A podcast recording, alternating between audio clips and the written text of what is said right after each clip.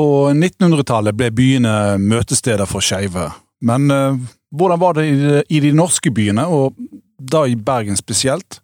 Hvilken plass har skeive i Bergens byhistorie? Dette er tema for denne podkasten. Du hører på Museum Vestpodden, og mitt navn er Bård Gram Økland.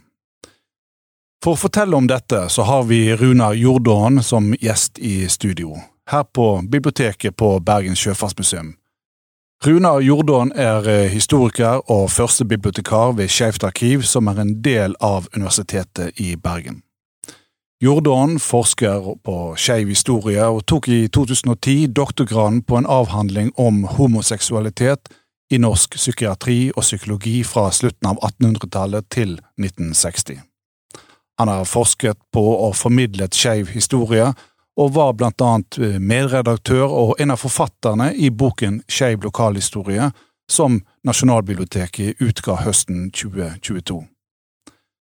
På Bergen sjøfartsmuseum har vi også et eh, dokumentasjon- og forskningsprosjekt der vi studerer skeive til sjøs i handelsflåten. Der har vi fått god hjelp fra Skeivt arkiv og deg, Runar. Velkommen. Tusen takk. Skeiv er jo et eh, relativt uh, nytt begrep, og ikke alle er like komfortable med det. Hva ligger du i begrepet? Ja, altså på Skeivt arkiv så har vi en definisjon der skeiv er et slags paraplybegrep, da, som dekker kjærlighet og seksualitet mellom personer av samme kjønn. Og i tillegg til det brudd på normene for mannlighet og kvinnelighet, altså. Så, så det å være skeiv, eller det, det skeive, da, det handler om, om, om, de som på en måte bryter med disse normene for hva, hva det normale er når det gjelder eh, kjønn og seksualitet, da. Og så skeiv historie handler da om disse personene, men òg om hvordan samfunnet har sett på det, og hva reaksjoner disse personene har hatt, da. Eh, og så er det jo slik at eh, kan òg omfatte da, de begrepene som vi kjenner som homofili og transperson og så videre, og eh, eldre begreper i fortida, som homoseksualitet som var mye brukt på begynnelsen av 1900-tallet, for eksempel, og utover. Eh, så, så, dette er jo begreper som har forandra seg hele veien, da, mens begrepet mm. skeiv tenker vi som noe som kan dekke som et sånn begrep som vi kan bruke når vi er historikere og ser bakover på historien, om alle de der ulike fenomenene og identitetene som faller innenfor dette. Da. Mm. Og det, det, det, er jo et nytt begrep, men når var det skeiv ble på en måte vanlig i, i, i, i ja, å snakke om det i Norge? Altså, Det er jo litt knytta til at uh, på, utover på 90-tallet så begynner begrepet å bli brukt litt i forskningen, da, knytta til det med skeiv teori. Eh, Skeiv teori eh, kommer da eh, i hovedsak fra USA, eh, og er da en ny vinkling på, på, det, på, dette feltet, der man liksom ikke er så opptatt av identiteter, men at man ser at identiteter skifter, eh, og er liksom historisk eh, skapte, da. Så utover på nå på 2000-tallet så er det et begrep som fungerer som en, en betegnelse for eh, skeiv forskning og skeiv historie uten at man trenger å alltid da ramse opp alle de der ulike bokstavene LHBTIQ, ja. eh, og spesielt når det gjelder historie, da, når det da er ganske mange andre begreper som har vært brukt. Så skeiv er en sånn fin, fin eh, betegnelse og inngang til dette feltet, da. Ja. Men hvis vi da går, eh, vender oss tilbake i tid til, i Bergens historie, eh, og da litt langt tilbake i tid til å begynne med, altså før 1800 Eh, kunne man snakke om homofili den gangen? Hva, hva kilder finnes det egentlig til historien da? Altså Det finnes uh, relativt sparsomt med kilder, men du, men du kan finne uh, kilder som sier om noe om dette helt tilbake til vikingtid og middelalderen. Uh, og for eksempel så har vi jo Gulatingsloven som gjaldt for Vestlandet og, og, og, Bergen her vi sitter. Der det da sto at om to karmenn blanda seg med hverandre, Eh, så skulle de være ubota menn eller fredløse, da. Så, så det var eh, en del da av og Dette kom på 1100-tallet. En del av at eh, det i Europa da starta å bli forbud mot seksualitet mellom personer av samme kjønn. Så, så, dette ble videreført i, etter reformasjonen. På, I 1687 så kom Kristian 5.s norske lov, der det står at omgjengelse mot naturen eh, skal straffes med bål og brann. Så det er jo en veldig streng straff, eh, og man tenker på dette noe som, som noe kriminelt, eh, og òg som noe syndig, da. Så denne omgjengelsen mot naturen blir òg kalt sodomi, mm. og da knytta til det bibelske Sodoma og Gomorra, som som måtte lide under eh, Guds eh, straffedom for de, eh, de, de syndene som eksisterte der da. Ja. Men er det, er det, da altså i, i, i, si, i retten, altså i lovvern, mm. det, det er der du har de viktigste kildene? Ja, du har det, og så er det slik at denne paragrafen ble veldig lite brukt, og dermed så har vi òg lite kilder. den ble nesten ikke brukt. Eh, vi har noen få kilder som kan gi oss et lite innblikk i hvordan man så på det på denne tida, men, men eh, eh, det, det, det, er ikke, det, er ikke, veldig mye kilder. Men det, man kan si, er at man så på det i hovedsak som noe man gjorde, og ikke noe man var. Så det handler om at man gjorde noe som var veldig umoralsk og syndig og kriminelt, og dermed så måtte dette reageres sterkt på, da. Men samtidig så var det noe som man eh, var litt ambivalent til å snakke om da, for man var redd for at hvis man snakket om det, så ville folk få vite om det og bli inspirert, mer eller mindre, da, så det var en ambivalens der da. Eh, og den skapte nok òg et rom for at det har eksistert mye mer enn det vi finner i kildene, da, eh, mm. fordi det, det skjedde gjerne i skjul. Men når vi nærmer oss si, mer moderne tid, da, og opp på ja, 1800-tallet og senere inn på 1900-tallet, Ehm, så, så var jo Tyskland etter hvert eh, langt framme innenfor det man kan mm. kalle homobevegelsen. Og eh, Hirschfeldt er jo et eh, navn her. Mm. Hvem var han, og hadde han, kjente han noe til Bergen? Ja, altså Magnus Hirschfeldt, veldig kort sagt, så var han da en lege Eh, han definerte seg sjøl som homoseksuell, og homoseksuell eller homoseksualitet var et nytt begrep på denne tida, på slutten av 1800-tallet. Eh, og Tanken med begrepet homoseksualitet var jo da at det var en identitet eller noe man var født med, noe biologisk, og gjerne noe man så på som noe sjukelig. Og Hirschfeldt han plukte opp det begrepet og den tanken om at det var noe biologisk, men han mente at det var noe biologisk og medfødt, men ikke sjukelig. Mm. Og med bakgrunn i dette, da, eh, denne født sånn-tankegangen, så starta han den første skeive i verden i 1897 i Tyskland, og han ble frontfiguren for denne eh, bevegelsen, samtidig som han òg ble en forsker i feltet, da. Mm. Så når det gjelder Bergen, da, så eh, kom han med ei svær bok i eh, 1914 eh, som heter Homoseksualiteten hos kvinner og menn eh, som kom ut på tysk da, og, og, der står det noe om nesten alle land i hele verden, områder i verden, og han skriver òg om Bergen, da. Og der har han da hatt en informant som påstår, eh, denne informanten har da vært en bereist eh, homofil mann, eh, som kunne fortelle Hirschfeldt at Bergen var de homoseksuelle stat Stadt der Welt, altså den mest homoseksuelle byen i verden. Det er litt kuriosa, da, men samtidig så ser vi jo at Bergen, som veldig mange andre byer på denne tida, eh, er et sted der det fins møtesteder, da, eh, for eh, menn som hadde sex med menn, og menn som forelska seg i menn. Ja. Men, men, men, var Bergen eh, orientert om disse strømningene ute i Europa? Ja, altså Det kan man jo ikke si så veldig nøye, men, men man ser jo eksempel at eh, det er en bergensk lege som skriver en artikkel i 1896 om homoseksualitet, da, eh, basert på ei kvinne han, han behandla på Rosenbergs asyl her i Bergen.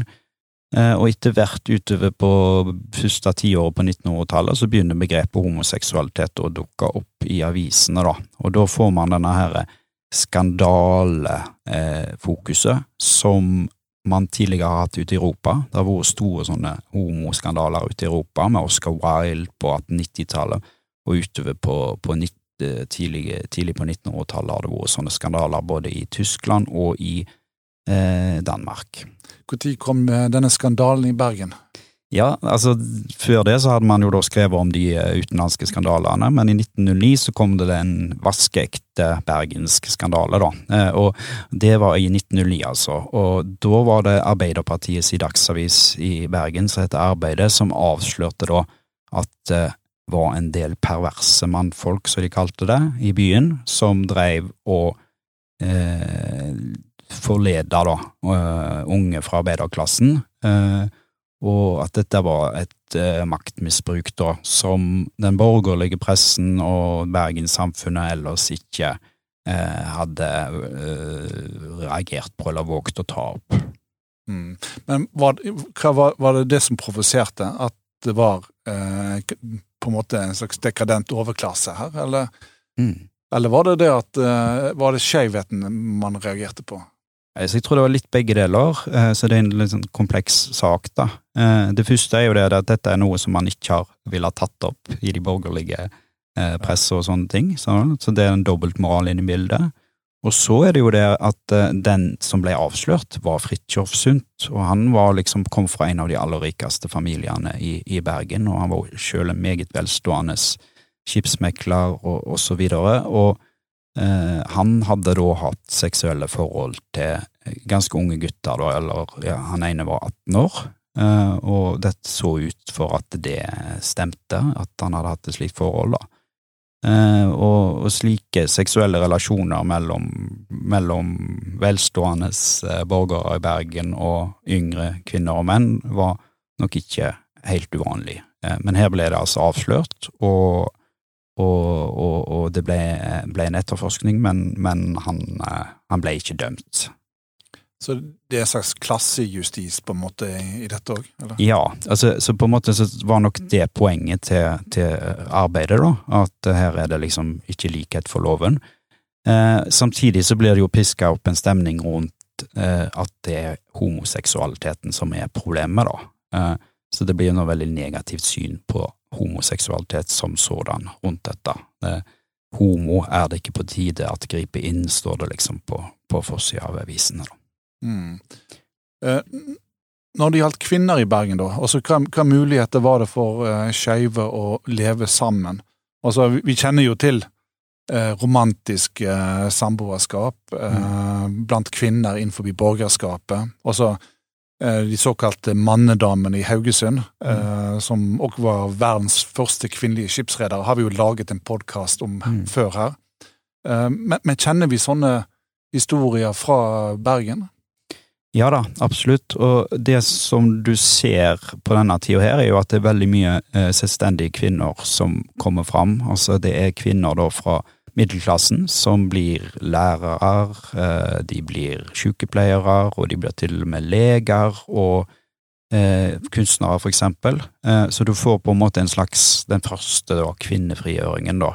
Og mange av de får utdannelse og har selvstendige karrierer, eh, og mange av disse kvinnene da eh, velger å ikke gifte seg. Hvis man gifta seg, så gikk man ofte ut av yrkeslivet. Så mm. mange av disse kvinnene valgte heller å bo sammen med andre kvinner, og veldig mange av disse uh, relasjonene til andre kvinner var da romantiske i en eller annen forstand, uten at man satte merkelappen homoseksualitet eller lesbisk på det, da. Og man har for eksempel et veldig kjent par i Bergen, da, som er Ambrosia Tønnesen, som var billedhogger så står bak eh, for eksempel IC Dahl-statuen i, i, fronten på Permanenten, eh, og Ole Bull-statuen inne på DNS. Eh, så hun var en ganske prominent person, og hun hadde vært i Paris, og etter hun hadde vært i Paris og studert kunst, så tok hun med seg Mary Banks, en britisk kvinne, hjem, og de bodde sammen da i Vaskerelven og senere på Minde, og på Minde der ligger det jo en kafé som er oppkalt etter henne, da. Så dette er da liksom respektable borgerskapskvinner, da, som, som, som, eh, som, blir godtatt i samfunnet uten at det blir satt den merkelappen på dem, samtidig som hun utfordrer ved for eksempel å gå med kort hår, og i et mm. intervju med BT på 1930-tallet så snakket hun om sin barndom som sine guttedager, da. Så, mm. ja. Mm. Men, men, var det sånne muligheter for arbeiderklassen òg? Eller er dette et uh si, et øvre sjikt som, som kan, kan, leve sånn? Altså Til en viss grad så, så får, man, får, man, alltid vite litt mer om, om, de øvre klassene i samfunnet, for de etterlater seg mer eh, kildemateriale, i alle fall som de har skrevet sjøl, dagbøker og brev og sånne ting. Eh, men jeg tror egentlig at uh, man kan si uh, at det òg eksisterte sånne møtesteder der det folk fra alle, alle byens lag uh, deltok, da. Og det, det, ser vi eksempel i kildematerialet fra 1930-tallet, når, når, det begynner å komme opp flere sånne straffesaker, da, at det, det var veldig mange møtesteder der folk fra alle klasser deltok. Mm. Men, men, sånne romantiske samboerskap, vi skal kalle det det, altså, mm. det, det, ble jo gradvis mindre vanlig. Mm. Hvorfor det? Altså, Det er jo eh, et spørsmål som er ganske interessant, fordi i dag så tenker vi jo at eh, homo og hetero det er liksom sånn helt sentrale kategorier i kulturen. Eh, og selv om det hadde liksom vært snakk om homoseksualitet i Bergen i 1909, så var det kanskje ikke eh, sånn at man begynte å koble det eh, blant vanlige folk eh, for alvor før kanskje utover på 1930-tallet, og kanskje til og med etter andre verdenskrig, da. Men etter hvert så når man begynte å tenke eh, liksom homo som en sentral kategori, det var noe alle visste om, og sånt, så begynte man jo å mistenke at hvis to kvinner bodde sammen, ja, det, og liksom til og med delte soverom, da må det jo være et eller annet her. Mm. Eh, så det er det der med at denne her homokategorien blir, blir sånn viden kjent, og folk begynner å tolke ting inn i det, og da, og da blir ikke disse her kvinnelige samboerskapene lenger så uskyldige, sånn, sånn, folk ser det, da. Mm. Og bare sånn som begrepet lesbisk, det, det, var vel kanskje ikke helt vanlig på denne tiden? Altså, Kom det litt seinere? Altså Du ser at det blir brukt, sånn vel, det er brukt i psykiatrien og sånn, og, og, og, i 1927 så er det et teaterstykke på DNS eh, som, der man snakker om lesbisk kjærlighet, altså. Men, men, og det blir gjerne brukt når man snakker om litteratur og sånne ting, eh, men det er ganske sjeldent begrep. og når avisene skriver om det i 1927, så må de forklare hva det er. Så som identitetsbetegnelse, at man er lesbisk, så er det nok i all hovedsak på 1970 80-tallet man bruker det, men, men sånn på 30-tallet og 50- og 60-tallet så brukte man gjerne begrepet homoseksuell eller homofil kvinne, da. Mm. Når vi snakker om eh, Bergens skeive historie, så, så, kommer vi jo ikke utenom den store sedelighetssaken i 1938. Eh, kan, kan, du fortelle oss hva som på en måte er kjernen i den saken, og, og hvorfor mm. fikk han så stor oppmerksomhet? Altså, det er jo en, er en stor sak, og en, en selvfølgelig en veldig ubehagelig sak. Da. Så det, det, det, du ser der, er at 34 menn blir dømt for brudd på paragraf 213. Og paragraf 213 er jo den eh, paragrafen som ble oppheva i 1972, som var da forbudet mot seksualitet mellom menn. Så det, dette er den største enkeltsaken i Norge, der eh, altså hele 34 menn ble dømt. Men noen av de mennene, jeg tror 14 av de mennene, ble odømt for sex med mindreårige. Og, og, de som ble dømt bare for paragraf 213, det var da utelukkende menn over 21 år som hadde hatt eh, sex med noen under 21 år. Så eh, det var en overgrepssak, og så var det òg en sak som liksom er i grenselandet, da, der, der, det var stor aldersforskjell, men, men der de var over 16 år. Eh, så, så, det var en sånn kombinert sak som inneholdt så veldig, veldig mye forskjellig, da. Men, eh, men det, var, det ble, førte jo til et økt fokus på homoseksualitet som et problem, og det ramma jo veldig mange den medieoppmerksomheten som var rundt det, da. Selv om eh, hvis det var to menn på 30 år som hadde et forhold seg imellom, så ble de ikke dømt i den saken, men de ble jo ramma av den negative oppmerksomheten, da. Og så var det òg en sånn idé om dette, at dette var noe som kunne smitte, da. Eh, så det ble liksom en sånn nesten moralsk panikk da i Bergen. Eh, om denne homoseksualiteten som brer seg utover i samfunnet. Da. Men det forteller jo noe om at uh, den paragrafen og den, det forbudet man hadde på den tida, uh, det var på en måte fordi man mente at uh, homofili var noe negativt som man måtte motarbeide i samfunnet, men man grep først inn med straffeloven når det var snakk om spesielle tilfeller og, og stor aldersforskjell og sånne ting. da. Det tyske regimet under andre verdenskrig forfølgte jo eh, skeive, og i Tyskland innførte jo nazistene strenge lover mot den si, organiserte bevegelsen da, eh, for skeive, som blomstret i mellomkrigstiden der. I Norge under okkupasjonen så ble det også innført eh, strafferettslige forbud, men er det mulig å spore en forfølgelse av skeive eh, under krigen i Bergen?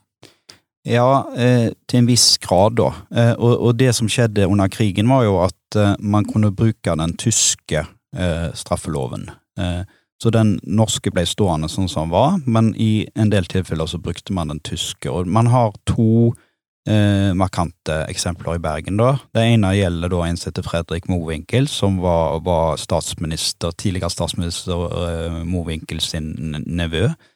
Eh, som hadde hatt seksuelle forhold til tyske soldater, og så var det da eh, Charles Petterson, som var en ung arbeider, maler, som innleda det som synes som et kjærlighetsforhold til en som Gustav Schreiber, som var eh, noen år eldre, og som jobba for organisasjonen Tott i Bergen, eh, på kontor. Eh, og ja, det ble rett og slett et eh, kjærlighetsforhold da, som ble avslørt, eh, og de ble dømt Eh, Charles, da, som var, var, var bergenser, til ca. ett år, eller litt over ett års fengsel. Havna i Tyskland eh, i fengsel.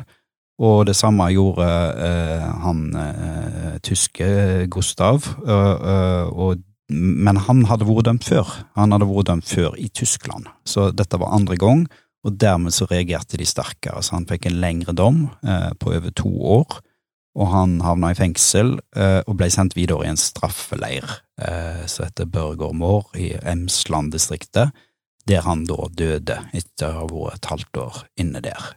Så har, her har vi eksempler da på at eh, eh, norske og, og, tyske menn eh, hadde seksuelle forhold, og fra andre kilder så vet vi at slike forhold forekom, og det er òg blitt hevda at dette foregikk uten at man ble eh, straffeforfulgt, og det gjorde det nok i mange tilfeller. Men eh, i noen tilfeller så førte det altså til denne typen reaksjoner.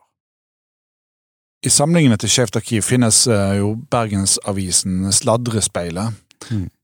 Den avisen fikk vel ikke så veldig lang levetid, men eh, den ble jo historisk i 1951. Hva var det som skjedde?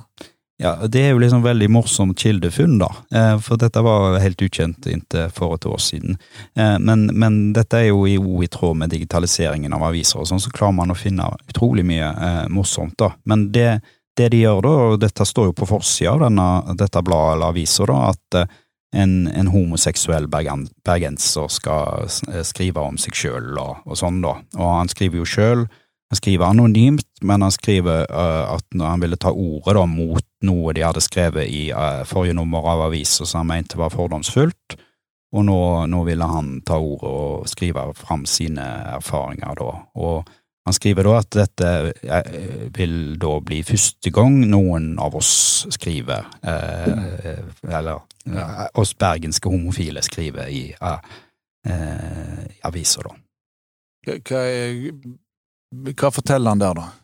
Nei, han, han forteller jo da at han, eh, han er eh, rundt 50 år, Sant? sånn, født tidlig på 1900-tallet, da, tydeligvis, og at han har visst at han har vært homoseksuell, så det begrepet han bruker hele, hele livet, og at han har lidd under det og prøvd å bli behandla og sånne ting, og han kritiserer òg det som foregår ute på gateplan, da, fordi Eh, menn som hadde sex med menn, de møttes på pissoarene, og han mente det ikke var noe positivt, og at man heller burde starte en forening eh, som, eh, som, kunne ta dette inn og, og, og, gjøre det på en mer anstendig måte, da.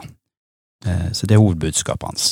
Og I 1953 så ble jo eh, Det norske forbundet av 1948 etablert i Oslo. Ja.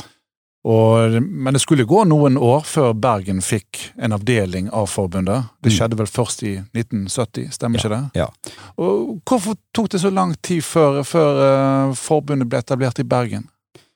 Nei, altså, altså det, og det tok jo 20 år. altså den der, Det for, norske forbundet av 48 hadde først vært en underavdeling av en, en, dansk organisasjon, da, så det ble egentlig stifta i 1950, men som en egen i 1953. da, men Nei, altså det er noe litt tilfeldig. Det var jo veldig lite i Oslo, men Oslo var jo tross alt en, en større, større, by. Eh, så eh, det, det, var et ganske lite eh, og medlemssvakt eh, lag i Oslo.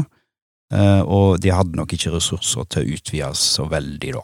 Uh, som vi så på denne her eh, mannen som skrev i 1951, så var det interesse for å danne noe lignende i, eh, Bergen, og det ble gjort noen forsøk òg på slutten av 50-tallet med noen kontakter i Bergen, sånn uten at man hadde klart å, få det til et år før i 1970. Eh, to bergensere som ble veldig viktige, iallfall for det skeive miljøet i 1950-60-årene, var derimot Mack og Kim Friele. Kim Friele kjenner jo mange som en viktig mm. foregangskvinne her, men Eh, hvilken betydning hadde de i 1950-60-årene? Ja, altså Dermot Mack har jo vært veldig uh, ukjent, da. Uh, var for noen innvidde som, som visste at han da var den mest sentrale figuren og, og, og, lederen i store deler da, av perioden 1953 til 63 for Det norske forbundet av 48. Så, dette var jo da i Oslo. Eh, og, og derimot Mack han kom fra, den, fra det bergenske overklassen. Eh, på morssida så var han fra Riber-slekta. Han reiste, vokste altså opp i Kalvedalsveien 52, opp i Kalfaret, eh, i en villa, og hadde de aller beste forutsetninger. Dro til Oslo på slutten av 30-tallet, studerte juss og ble jurist. og, var en velstående person, da. Så når han ble leder i forbundet 48 på, i 53, da, så var han eh, levde han på formue. Han arbeidet ikke lenger, eh, og, og eh, bidro sterkt til å finansiere driften til forbundet av 48. Han gjorde ikke minst en spesielt viktig innsats når det gjaldt å forhindre det som kunne blitt en forverring av den strafferettslige situasjonen på 50-tallet. Det var et forslag om å endre denne paragraf 213 som de da mente med god grunn ville gjøre situasjonen verre. Eh, og blant annet fordi det ville i noen tilfeller inkludere òg eh, kriminalisering av kvinner. Eh, det ville òg gjøre det vanskelig for skeive homofile organisasjoner å eksistere og sånt. da. Og selv om da han var helt anonym og ikke brukte fullt navn i denne perioden, så jobba han iherdig da for å, for å hindre den endringen, og, og, og dette synspunktet da fremmer han da gjennom en advokat, altså høyesterettsadvokat eh, Johan Bernhard Hjort, som var den som fronta dette ut av da, eh, på vegne av forbundet. Og, og, og, det arbeidet de, de, gjorde, det bidro jo da til at den endringen ikke skjedde.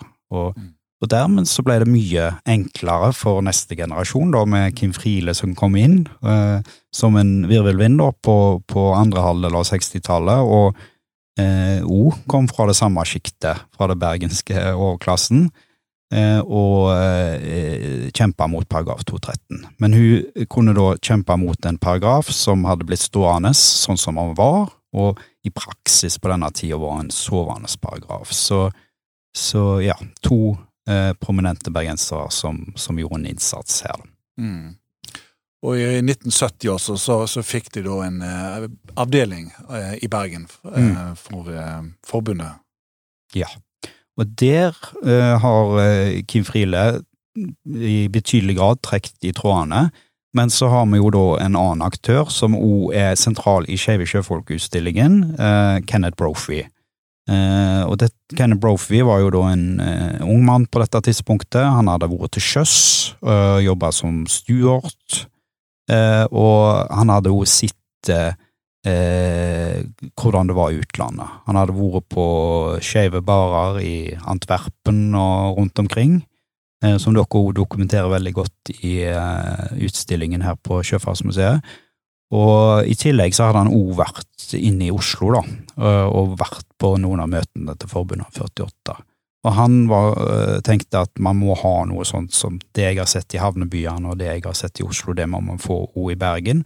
Og han innkaller da til det første møtet i, eh, for å stifte da denne bergensavdelingen av Forbundet 48 i november, tror jeg det er 1970, da, eh, på restaurant, restauranten Chianti på, på Bystasjonen. Bergenserne er jo glad og stolt eh, over byen sin og den lange og viktige historien som mm. Bergen har. Men hvorfor, hvorfor har ikke Bergen fått en skeiv historie? Ja, det kan du si. Altså, altså det, det, er nok litt fordi dette har vært et fagfelt som ikke har vært særlig eh, stort i Norge eh, generelt. Eh, så det gjelder nok ikke bare Bergen. Eh, men hvis man ser på andre storbyer rundt omkring i Europa og USA og sånt, så har de fått uh, bøker om, uh, om, København, Stockholm og Göteborg og New York og mange uh, langt mindre byer enn det, der man har liksom gravd fram denne historien da, og vist liksom hvor viktig dette har vært som en del av en understrøm da, i, liksom i byens liv. da. Så for å forstå byen, liksom, hva var det som rørte seg, hva var det som var mulig, mulig i, i, byen, og så, så, så må, må, man òg forstå at det, det, var et møtested for skeive. Det var et sted der skeive kunne eh, møte motstand, men òg eh, møtes og, og, bygge opp miljøer og så videre og så videre. Så eh, for å forstå Bergen, så må man òg forstå dette. Eh, så derfor så er det jo eh, en forhåpning at man kan fortsette da, og eh, forska på dette. Gjerne eh, Ønskedrømmen hadde vært eh, om det hadde vært mulig å skrive ei bok, da, eller et prosjekt som handler om, om bergensk, eh, Bergens skeive historie, og selvfølgelig òg at det blir integrert i eh, andre aspekter av historien, da. Og det vil jo være litt sånn som at man har in inkludert kvinnehistorie, man har inkludert ulike grupper sin historie eh, i den større historien. Det er en trend som har skjedd liksom de siste 20-30 årene, at man, man, får en mer mangfoldig bilde av historien. og, og så, så, hvis man skal ha en, en, en eh, mangfoldig og, og god bergenshistorie, så, så må dette aspektet også inn. Takk til deg, Runa Jordån, første bibliotekar ved Skeivt arkiv i Bergen, og takk til Magnus Kvarving, ved Bergen sjøfartsmuseum, som er produsent for podkasten. Vil du vite mer om eh, skeiv historie, så vil jeg anbefale deg å følge Skeivt arkiv sin egen podkast. Der er mye spennende historier. Og så håper jeg at du selvfølgelig vil følge Museum Vestpodden på Spotify og Apple. På gjenhør.